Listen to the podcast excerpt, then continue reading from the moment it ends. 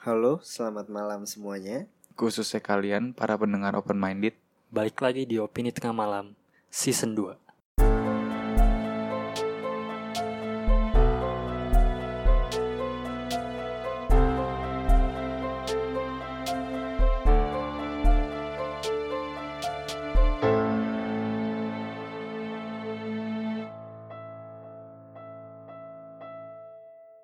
Oke, kalau kemarin kita udah ngebahas tentang kota mati Chernobyl, konspirasi selanjutnya kita akan ngebahas tentang website. Nah, kira-kira website apa nih yang mau kita bahas? Tahu nggak lo? Deep web. No, deep web, deep web itu terlalu rendah lah, asik. Lalu biasa ya. terlalu biasa.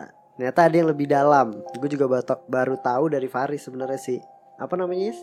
Jadi disebutnya Mariana Web Mariana Web. Apa itu Mariana Web? Mungkin langsung gue mulai aja kali ya. Internet telah memberi kita keluasan untuk memenuhi segala kebutuhan. Meskipun disebut-sebut memiliki akses luas dan tidak terjangkau, Nyatanya, selama ini kita hanya mengakses segelintir persen, sementara sebagian besar lainnya menuju ke akses gelap dan tak terjangkau bernama deep web. Asik.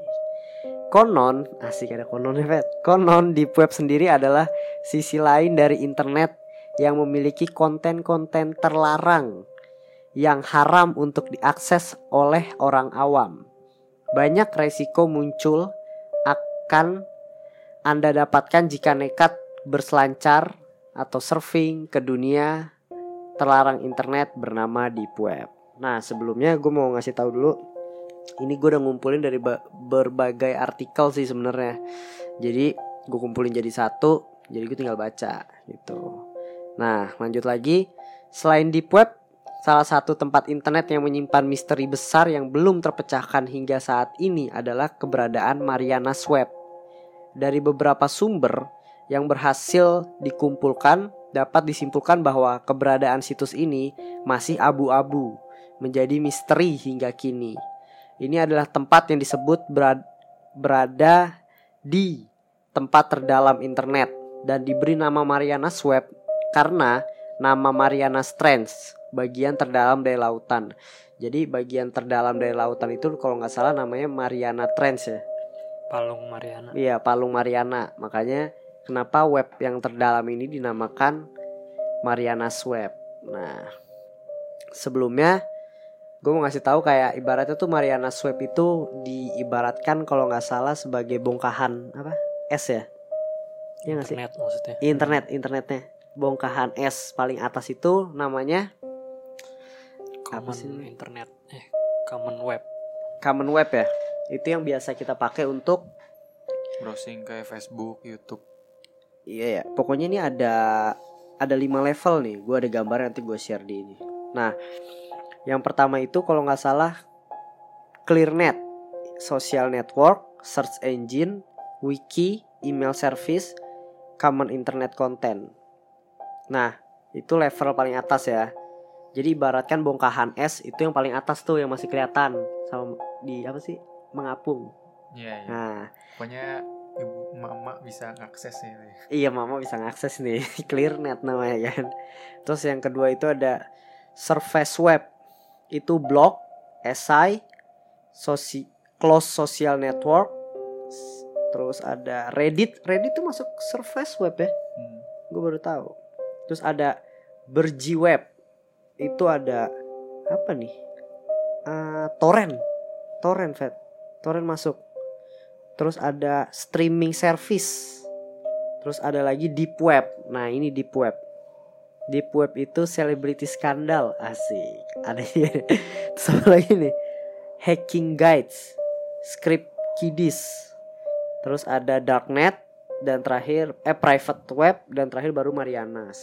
Nah sebelumnya gue mau ngasih ntar deh itu fakta terakhir deh. Itu yang gue dapat faktanya nih Pornhub masuk mana? Pornhub Pornhub itu masuknya di pep gak sih? Enggak ya? Eh nggak tahu nih kalau dari ini. Eh streaming tadi? Oh, streaming, itu oh bukan nih. Streaming, streaming itu berji web level 2 streaming service. Jadi levelnya itu dari S 1, 2, 3, 4, 4B Yang terakhir itu 5 Mungkin gue lanjut lagi ya. Kesaksian pengguna internet. Asik. Ada nih gue dapat dari web mana nih gue lupa Web Mariana telah menjadi misteri terbesar di internet Nah jadi sampai sekarang tuh sebenarnya Mariana Web itu Masih jadi misteri Kalau di web itu menurut gue udah udah fakta gak sih? Udah real ada gak sih? Iya, ada. Bener kan? Nah, kalau di, tapi kalau Mariana sini masih jadi konspirasi. Karena dikonfirmasi bahwa itu belum benar-benar ada. Kisah pengguna Reddit yang disebutkan menjadi alasan untuk mempercayai ini sebagai misteri.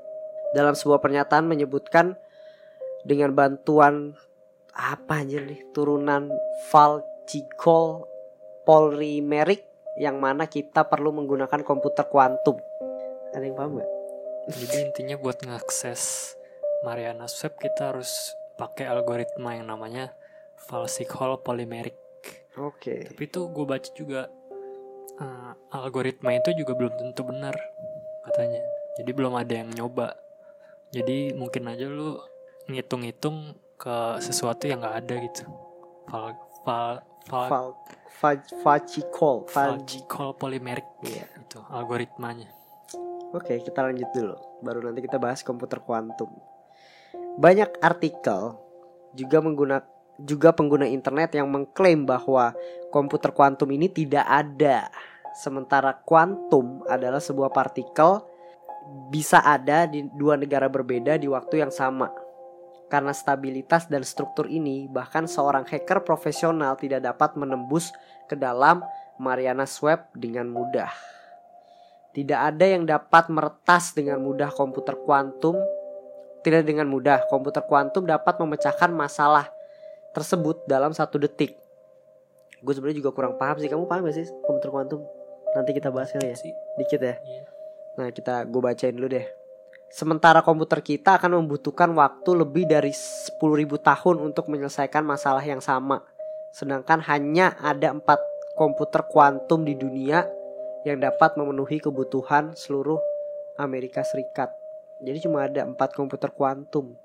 Dan ini mungkin ini gak sih kalau dari artikel ini yang gue tangkap untuk masuk Marianas cuma bisa pakai komputer kuantum kan. Iya. Kalau pakai komputer biasa itu membutuhkan waktu 10.000 tahun. mungkin nggak bisa kali Iya berarti jatuhnya Nggak bisa. bisa. sih sebenarnya ya. Mm. Oke. Seperti yang disebutkan, Marianas menyimpan misteri yang mengerikan di dunia ini, seperti lubang hitam, alien, Atlantis, arsip rahasia Vatikan, dan teori konspirasi yang belum bisa dipecahkan hingga saat ini.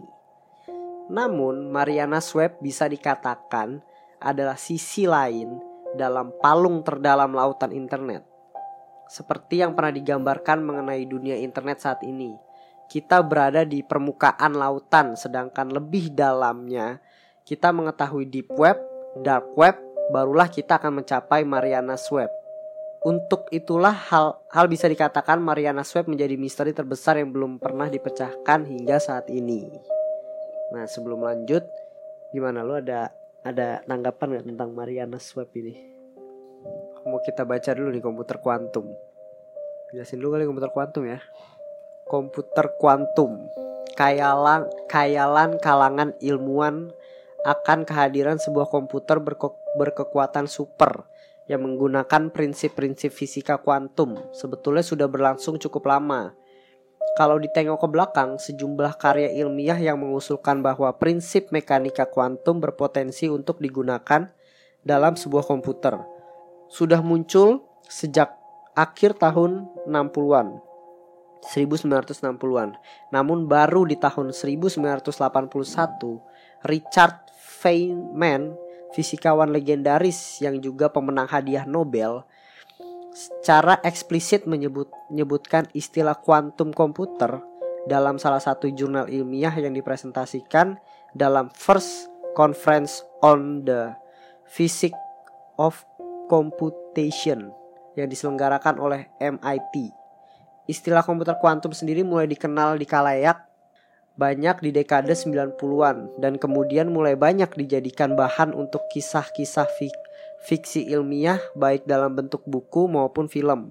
Salah satu khayalan paling maju soal komputer kuantum ini bisa dilihat di film Transcendence dibintangi oleh Johnny Depp tahun 2014. Nah, dari nonton? belum nonton Nonton. Nah, berarti yang dimaksud komputer kuantum itu kayak di film Transcendence. Kalau lu tahu kan. kenapa Jadi komputernya itu jatuhnya udah kayak Jarvis gitu. Dia Oh. bisa bisa apa ya? Dia bisa bener sih itu bisa di dua tempat yang berbeda di waktu yang sama. Ya nggak sih? gimana tuh maksudnya coba Tapi jelasin. tapi kalau di film ini orangnya Fed masuk ke ke komputer gitu. Sebelum dia mati. AI ada AI nya jadi kayak mesinnya punya otak Hmm. ya lu Terus itu dua ngerti itu gua Maksudnya dia Itu bisa masalah. ke mana? Dia bisa ke mana-mana aja. pokoknya intinya gue baca komputer kuantum apa harus di lingkungan yang dingin katanya. Kalau misal harus di bawah absolute zero pokoknya di bawah 0 derajat. Hmm. kalau di- ada panas sedikit katanya langsung error komputer. Segitu susahnya maksudnya. Buat mengoperasikannya. Iya. Oke. makanya orang biasa nggak bisa punya gitu. Kalau oh. di web kan cuma tinggal pakai Tor browser kan. Ah, kalau ini jadi lo harus punya super komputer ya deh berarti kutub ya gimana Iya iya iya gitu. Gue udah mau ngomong Fed ke lu. tapi tapi bener sih, bener kan yang kutub nggak boleh ditempatin. Ya mungkin bukan flat earth tapi di situ komputer kuantum ya. Tapi menurut lu, menurut tanggapan lu sendiri lu percaya gak sih Marianas? Hmm, sampai sejauh ini sih gue belum bisa menyimpulkan sih soalnya Tapi gini loh Fed, masuk akal juga sih sebenarnya. Jadi di Marianas itu kalau yang bener-bener yang diaksesnya cuma pakai komputer kuantum dan cuma ada empat di dunia dan mungkin hanya negara-negara besar aja yang punya hmm, itu bener-bener nyimpen arsip-arsip yang Iya. sangat-sangat penting banget sih. Iya sekarang mau nyimpen arsip paling kalau seandainya bener Marianas ada yang paling aman ya di situ lah. Kalau nggak salah yang gue baca tuh hacker aja, misalnya mau masuk Marianas itu, tadi kan ada banyak stepnya nih.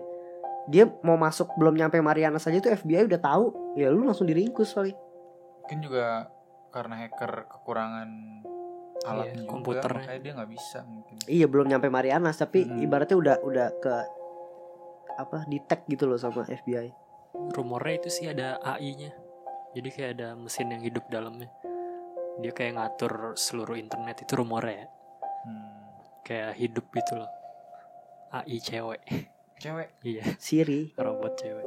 tapi gimana ya menarik sih gue kayak pas dia bilang tuh kayak isinya itu ada lubang hitam alien Atlantis Oh, itu sih masuk akal misalnya isinya dokumen rahasia Iya. buat nyimpen. Terus yang akses kan juga mereka-mereka doang. mereka kan doang bisa. yang ya? akses Iya. cuma punya empat dan gue yakin Amerika salah satunya pasti Amerika Rusia Cina Azja Indonesia. Lagi Indonesia Indonesia. Si Indonesia mah masih nyimpen di Indonesia ya masih kemakan hoak Iya, hoak hoak. Apalagi kayak gini, ah basi Mariana Asweb. Mereka taunya masih Opera Mini kali gitu.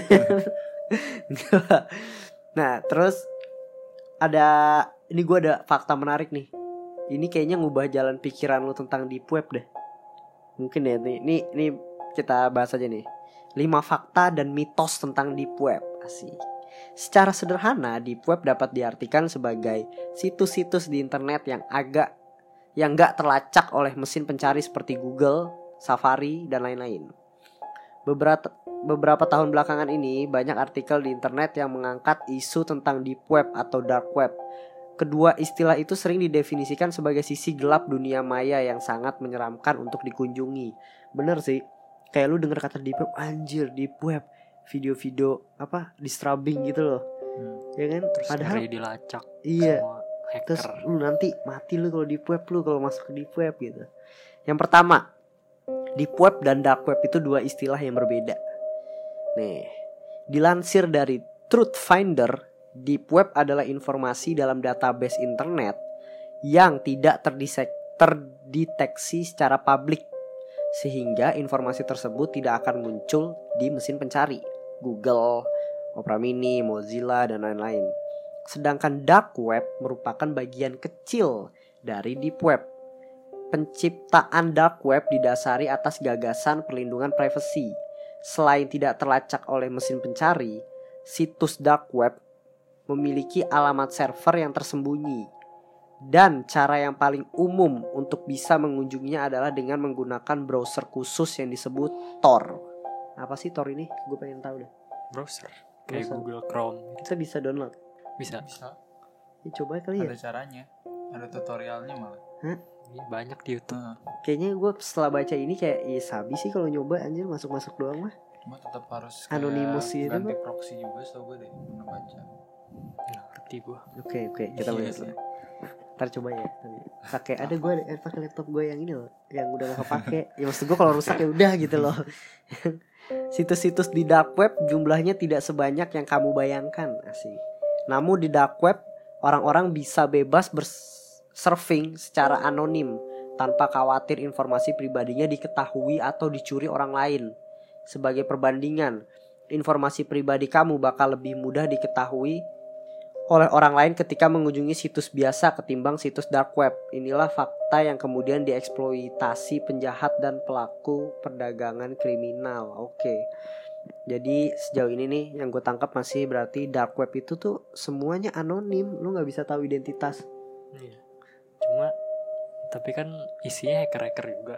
Tapi gue Hmm. ngeri anjir. Meskipun anonim kan pasti dia tahu caranya bikin kita nggak anonim.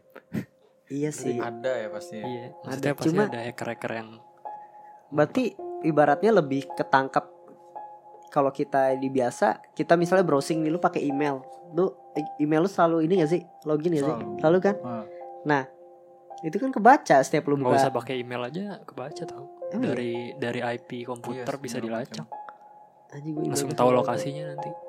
Nah itu aja Itu lebih lebih ke- kena kan Tapi kalau di dark web ini lu anonim gitu Iya. kalau nggak salah disaranin aja suruh lockout semua password gitu buat akses di web gue pernah baca sih Di Jadi web jangan- atau dark web Nanti nih ada nih. Oke Oke Dark web. dark Asik. web itu pokoknya deep web ya deep web ya Iya di Dark web web. Deep web iya dark web Iya. Deep deep deep kayak gitulah harus jangan Nih. ninggalin privacy di komputer itu biar aman gitu Kan coba Namun karena unsur anonim ini pula Berbagai manfaat bisa diperoleh Misalnya dokter dapat memberikan saran yang tidak memihak Kepada pengguna narkoba yang malu jika identitasnya ketahuan di dunia maya Asik Reporter yang negaranya menindas kebebasan pers bisa mendapatkan informasi di sana. Bahkan menurut informasi dari Tor Project, Angkatan Laut Amerika kerap menggunakan dark web untuk aktivitas intelijen mereka. Untuk sementara ini, dark web mungkin memang kerap kali digunakan tujuannya sebagai kriminal, tapi keterka- terke- keterkaitannya dengan kejahatan dunia maya atau cybercrime selama ini terlalu dibesar-besarkan. Jadi ya sebenarnya kalau yang gue tangkap di sini sih dark web ada gunanya juga sih sebenarnya. Hmm, selalu tujuannya buat Iya. Gue juga pernah baca kok ada misalnya forum pecinta kucing pakai dark web gitu ya biar biar privacy aja oh. Intinya buat privacy doang. Jadi ngomongnya di situ ngobrolnya. Iya berarti soalnya anonim ya. Iya. Tapi berarti intinya kalau seandainya kita menggunakan dark web hanya untuk forum-forum yang kayak gitu ya nggak apa-apa. fine kan? ya Nyoba nggak? banyak Jadi sih gitu cuma gua. gua gua pernah baca katanya orang di situ ya karena underground kali ya jadi pada judes-judes sih. Oh iya. gitu cuma ngeri salah klik aja iya. Tiba-tiba ke page apa terus langsung kelacak Iya sih, ngeri juga sih. Nah ini tapi ada lagi itu untuk angkat. Gue yakin juga mereka menggunakan juga untuk keperluan ininya negara juga sih pasti ada. Jual senjata kan juga di situ kan, dark web. Eh da- iya dark web ya nyebutin dark web ya nih, deep web nih. semua ada narkoba senjata ada nge-hire hitman buat Hmm. ngebunuh Nah itu di dark web. Gue kasih tau ya itu di dark web. Kalau deep web nih, fakta lainnya tanpa disadari kalian pernah menggunakan deep web. Oke. Fakta yang lebih mengejutkan, kalian mungkin menggunakan deep web setiap hari, malah setiap hari nih kata artikel ini. Ketika kamu ingin membayar tagihan kartu kredit, kamu tentunya masuk ke rekening bank. Nah, informasi akun kamu dianggap konten deep web karena Google nggak akan mendeteksinya. Kenapa? Demi keamanan. Sebagai nasabah bank, kamu pasti nggak mau informasi perbankan kamu muncul di halaman hasil pencarian. Saya yakin seyakin yakinnya asik. Ini artikel mana sih gue baca? Kamu bis, kamu nggak mau tetangga sebelah rumah kamu bisa tahu saldo rekening kamu. Untuk istilah bank mengharuskan kamu login supaya mesin pencari tidak menyerap konten sensitifnya. Dia sih ngomong gini nih di web. Nggak langsung bener dong berarti. bener kayak kalau mau login ke bank kan nggak nggak tertera di Google berarti itu termasuk di Deep web web nggak nggak ketemu sama Google, Mozilla dan lain-lain itu deep web.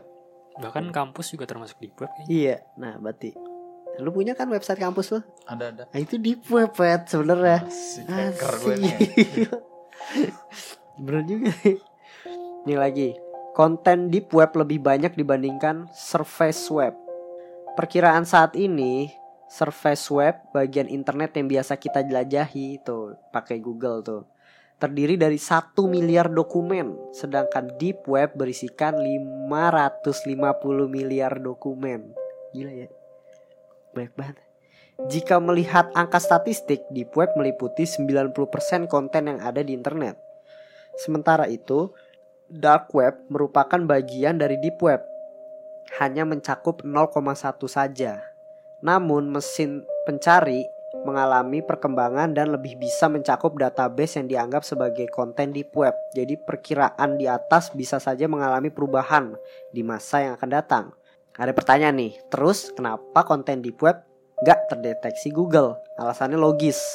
Karena Google tentunya nggak ingin menyertakan situs perdagangan narkoba atau barang selundupan lainnya di hasil daftar pencariannya. Jadi di deep web ini 0,1-nya itu dark web. Ya Hmm. tadi penjualan narkoba, barang-barang dan lain-lain. Gitu. Tapi gue bingung nih banyak banget 550 miliar dokumen. Berarti kalau gue menggunakan Tor itu gue udah masuk deep web. Sebenarnya gue pernah baca ada cara maksudnya bukan masuk secara langsung ke deep web sih cuma kalau lu mau tahu dunia deep web dari luarnya tuh kalau nggak salah lu buka hidden wiki Ada. iya hidden wiki nanti yang gue nggak pernah buka sih takut juga gitu ya gue udah takut Dari Google. iya lu cari aja hidden wiki nanti mungkin dia cuma ngasih lihat situs-situsnya doang kali screenshotnya doang Kalau setahu gue kalau mau akses dark web misalnya ke website yang nge-hire hitman lo harus dari situ. Soalnya eh, apa apa sih itu namanya yang www dot itu. Ah. URL-nya soalnya nggak kayak biasa kalau kita kan google.com. Kalau dia nggak kayak panjang banget, harus di copy paste. Kita nggak bisa ngetik sendiri. Kayak kode-kode gitu loh kayak kayak huruf-huruf acak gitu A B C 0 berapa gitu gitu. Apalagi Hitman ya. Iya. Anjir, nyewa Hitman cuy, nyewa Hitman. pembunuh. gigi donian yang kill ya jadi gitu apa kalau lu mau akses suatu website lu harus lewat itu hidden wiki ntar jadi lu klik linknya ntar dia copy paste baru lu go Anjir.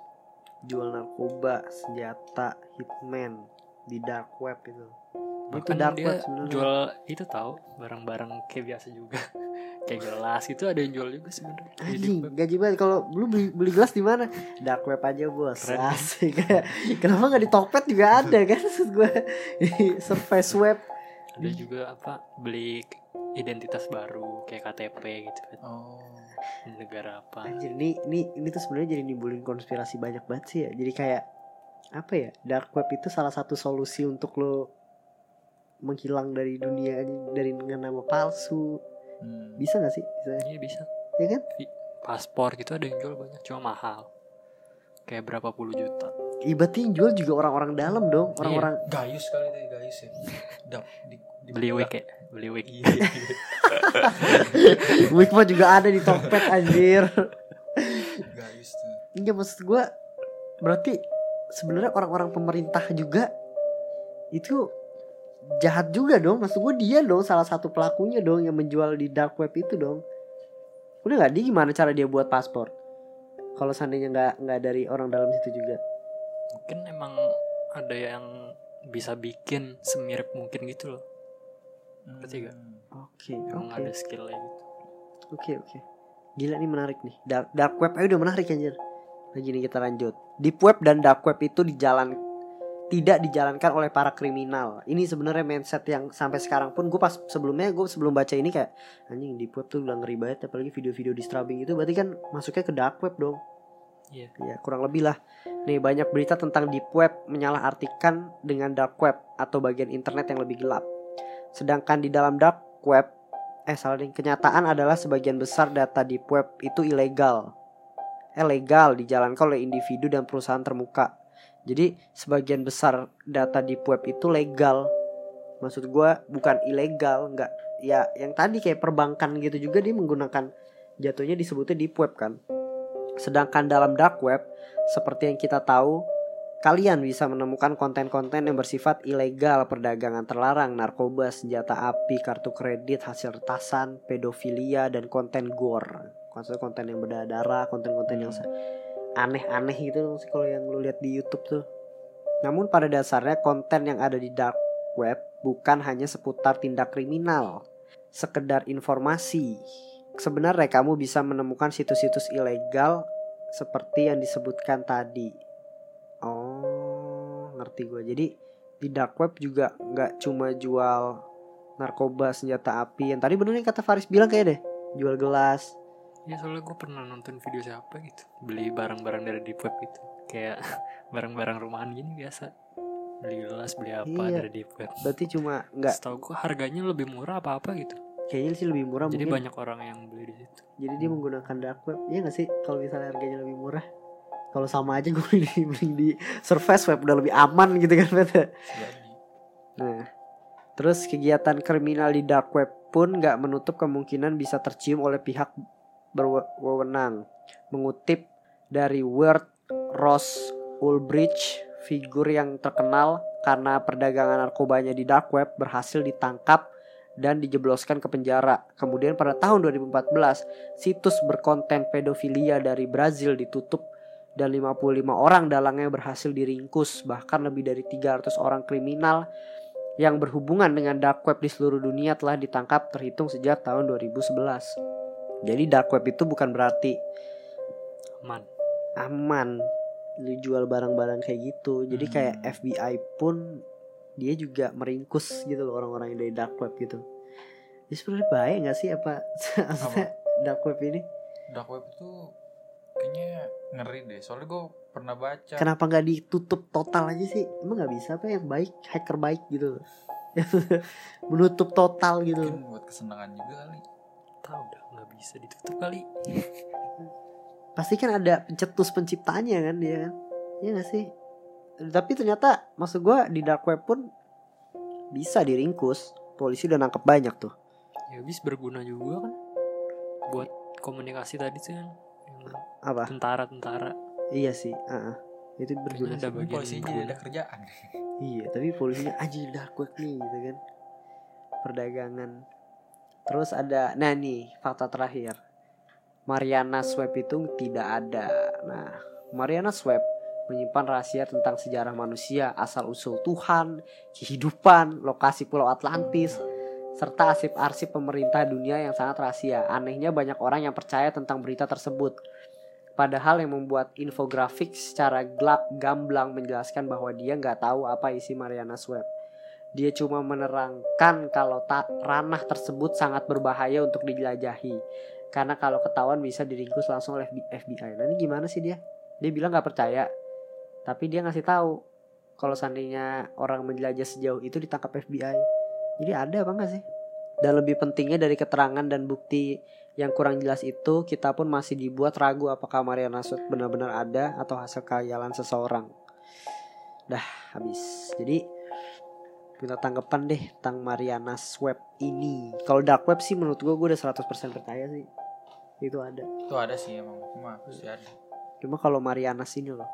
Dan kalau seandainya ada pun harus pakai komputer kuantum. Tadi katanya kan. Menyimpan semua arsip-arsip. Ya make sense sih. Dia ngebuatnya Marianas Web tuh bukan tempat jual narkoba dan lain-lain. Tapi menyimpan arsip. Kayak, Informasi kayak cloud penting. dah. Kayak Google Drive ya.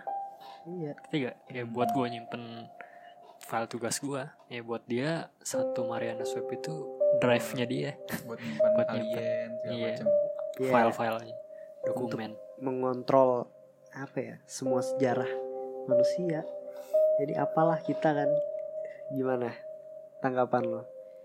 Ada nggak nih Mariana Web Kalau gue kayaknya ada cuma nggak kayak yang orang bayangin gitu deh. Kan maksudnya orang eh, gambarin Mariana Web serem gara-gara udah udah di mindsetnya dark web serem kan? Hmm. kita di dark web ada child pornography ada narkoba apalagi di Mariana Swap itu lebih parah. Iya tapi mungkin uh, Mariana Swap menurut gue masuk akalnya yang tadi sih yang dipakai sama pemerintah pemerintah buat nyimpen file.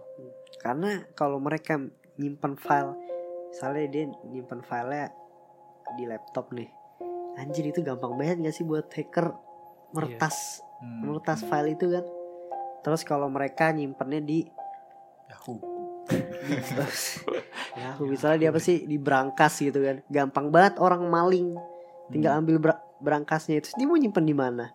Ya salah satunya hanya negara-negara yang super power yang emang dia udah gede banget dan dia perlu menyimpan data itu yang nggak bisa dihack sama siapa pun gitu. Lagian juga dijaga ketat itu ya kan tadi lu bilang kalau Iya, ketahuan diringkus FBI FBI langsung. Kayaknya Jadi kayak ibaratnya. Apa sih? Misalnya ada lu mau, mau masuk ke Mariana Swap harus lewatin dua pintu deh. Lu baru buka pintu pertama tuh udah ketahuan gitu loh. Kayak gitu jadi gue percaya ada gue sih se- maksud gue kenapa ya? Ini kan konspirasi kan? Emang ini konspirasi karena Mariana Swap tuh ada apa enggak? Gue menurut gue sih kalau seandainya alasannya logis untuk menyimpan arsip sih gue percaya percaya aja. Cuma ya itu yang tadi gue bilang komputer kuantum ini ada apa enggak? Ada ya. Kutub loh tadi loh. Iya tutup sih. kan? Iya sih iya sih iya sih. Udah, cuma udah. Anjir aneh. Ini masalah Fed kalau komputer kuantum tuh ada ini sebenarnya tuh manusia tuh udah canggih banget pak tapi bukannya tadi komputer kuantum bukannya diperkenalkan 1981 bener gak? Itu ba- baru ininya. kali, kayak baru konsep dan lain-lain lah. Apa? Misalnya gue punya ini ini nih kalau dikembangin terus bisa jadi kayak gini nih kayak gitu ngerti gak? Hmm. kayak bentuk awalnya kuantum gitu idenya gitu loh. Tapi itu berarti udah hampir 30 tahun kan? Iya. Gue tadi baca waktu itu ada IB tapi punyanya IBM punyanya kan IBM Hah. Google sama apa gitu kerja sama dia Gede pernah ngumumin gitu kan? ada tuh. cuma Gua udah lihat cuma sih itu. belum belum perfect gitu loh Fed Hmm. terus digadang-gadang kalau misalnya sampai berhasil ditemuin nih bisa nyembuhin penyakit katanya komputernya saking pintarnya Yang pintar iya No, maksud gue anjir kalau seandainya komputer kuantum tuh bener ada dan itu ditaruh di kutub modern banget sebenarnya Fed maksudnya udah bisa nemuin hal yang semodern itu anjir. Dan ditutupin tuh kayak jadi konspirasi baru aja iya. Gila anjir itu kita nggak ada apa-apanya anjir ibaratnya. Dia udah bisa nyebain ini kali nyiptain banyak hal gitu dari komputer itu. Ada mungkin tapi mahal. Jadi ya nggak bisa dibikin sebanyak apa sih Komputer komputer biasa. komputer biasa gini. Hmm. Jadi ya buat mereka daripada dijual mending Nah. buat dia. nggak produksi massal ya. Oke deh sebelum gue tutup ada fakta lain atau enggak langsung kesimpulan nih. Ada nggak? Nggak ada. Ya udah deh kesimpulan. Gimana dari lo tentang Mariana Swap ini? Tadi tadinya awalnya gue nggak percaya. Cuma karena dijelasin. Deep web dark web. Yang Iya. kuantum komputer itu harus di bawah 0 derajat. Terus jadi kutub jadi ditutup. make sense ya jadi make sense. Iya. sangkut pautnya kutubnya gitu ditutup kan? Kutub apa dah? Kutub utara ya selatan utara sih. ya? selatan apa utara? Bukannya kalau menurut flat earth kutub iya pak. melingkarin? Iya. Jadinya Maksudnya- itu bisa jadi pengalian isu gak sih kalau seandainya bumi itu bulat sebenarnya? Tapi dibilang kalau lu makanya kenapa ditutup tuh sebenarnya bukan lu ngeliat bumi datar tapi di situ komputer kuantum ya gila nih ini konspirasi bimo ya gitu. baru, baru, baru. konspirasi baru nih. Ya make sense aja sih. Gue kalau seandainya itu perlu di bawah 0 derajat celcius sekarang mana lagi sih Tapi yang paling tahu aman? dia bisa bikin apa? ruangan yang absolute zero. Bener-bener 0 di bawah iya. Itu kutub kan bukan kan emang bisa kesalahan paling- teknis taris paling dingin dong is kalau tahu-tahu rusak lagi mending udah paling bener di kutub udah terus Iyalah. tutup aja udah. Kutub tar ini global warming mau enggak gimana lah tetep lah. Alam kan juga salah. Bisa sih itu bisa masuk akal. Cuma tapi itu perlu perlu berapa ribu tahun Iya kan untuk global warming. lah. udah paling bener di kutub udah. Maksudnya? Ntar diserang beruang gimana? Gila ya. Cacing besar Alaska. Di kutub ya. Jadi gimana lu percaya? Gue percaya sih tapi emang yang paling make sense ya itu. Buat arsip-arsip sih Hmm, arsip arsip kan Hmm, Cuma biar siapa nggak yang semua megang? diakses sama hacker-hacker nakal kan Iya benar. jadinya ya buat Mariana Web Gimana is? ya kayak tadi percaya tapi itu kayak drive eksklusif ya para pemerintah pemerintah hmm. Indonesia nggak diajak kali ya? iya cuma secuil Kalau gue sendiri percaya sih gue juga. Jadi kita nih konspirasi aja percaya semua aja. Percaya sih. Soalnya gimana ya? Internet tuh luas banget gitu loh. Tuh gue aja tiba-tiba deep web, terus ada dark web lagi. Dan sekarang Marianas dan dan konspirasi itu Marianas bukan konspirasi ngejual barang tapi dia membuat naruh arsip kan. Ya di mana lagi naruh arsip? Kalau gue mikirnya gitu aja dia naruh di komputer biasa itu bisa dihack. Apalagi misalnya kalau bener kayak data-data Vatikan gitu yang yang krusial banget kan bisa hilang kalau seandainya di komputer biasa. Terus kalau seandainya dia naruh di brankas atau nggak di museum bisa kebakaran atau nggak. Maksud gue hal-hal yang kayak gitulah. Yang paling amal yang yang paling amal lagi. Paling aman ya udah di Marianas. Emang ide yang bagus sih.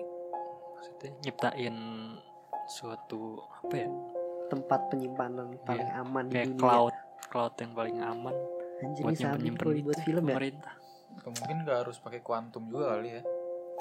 Cuma beda algoritma doang kali ya. Atau mungkin Soalnya- kuantum itu cuma buat bilang anjir hacker kayak anjing itu mah pakai komputer kuantum ya jadi nggak bisa. Gitu padahal enggak Hmm. nggak tahu sih gua. Iya sih. mungkin ini kali algoritmanya terlalu sulit gitu loh buat manusia ngerti gak? Jadi yang bisa ngepecahin cuma mesin. Hmm.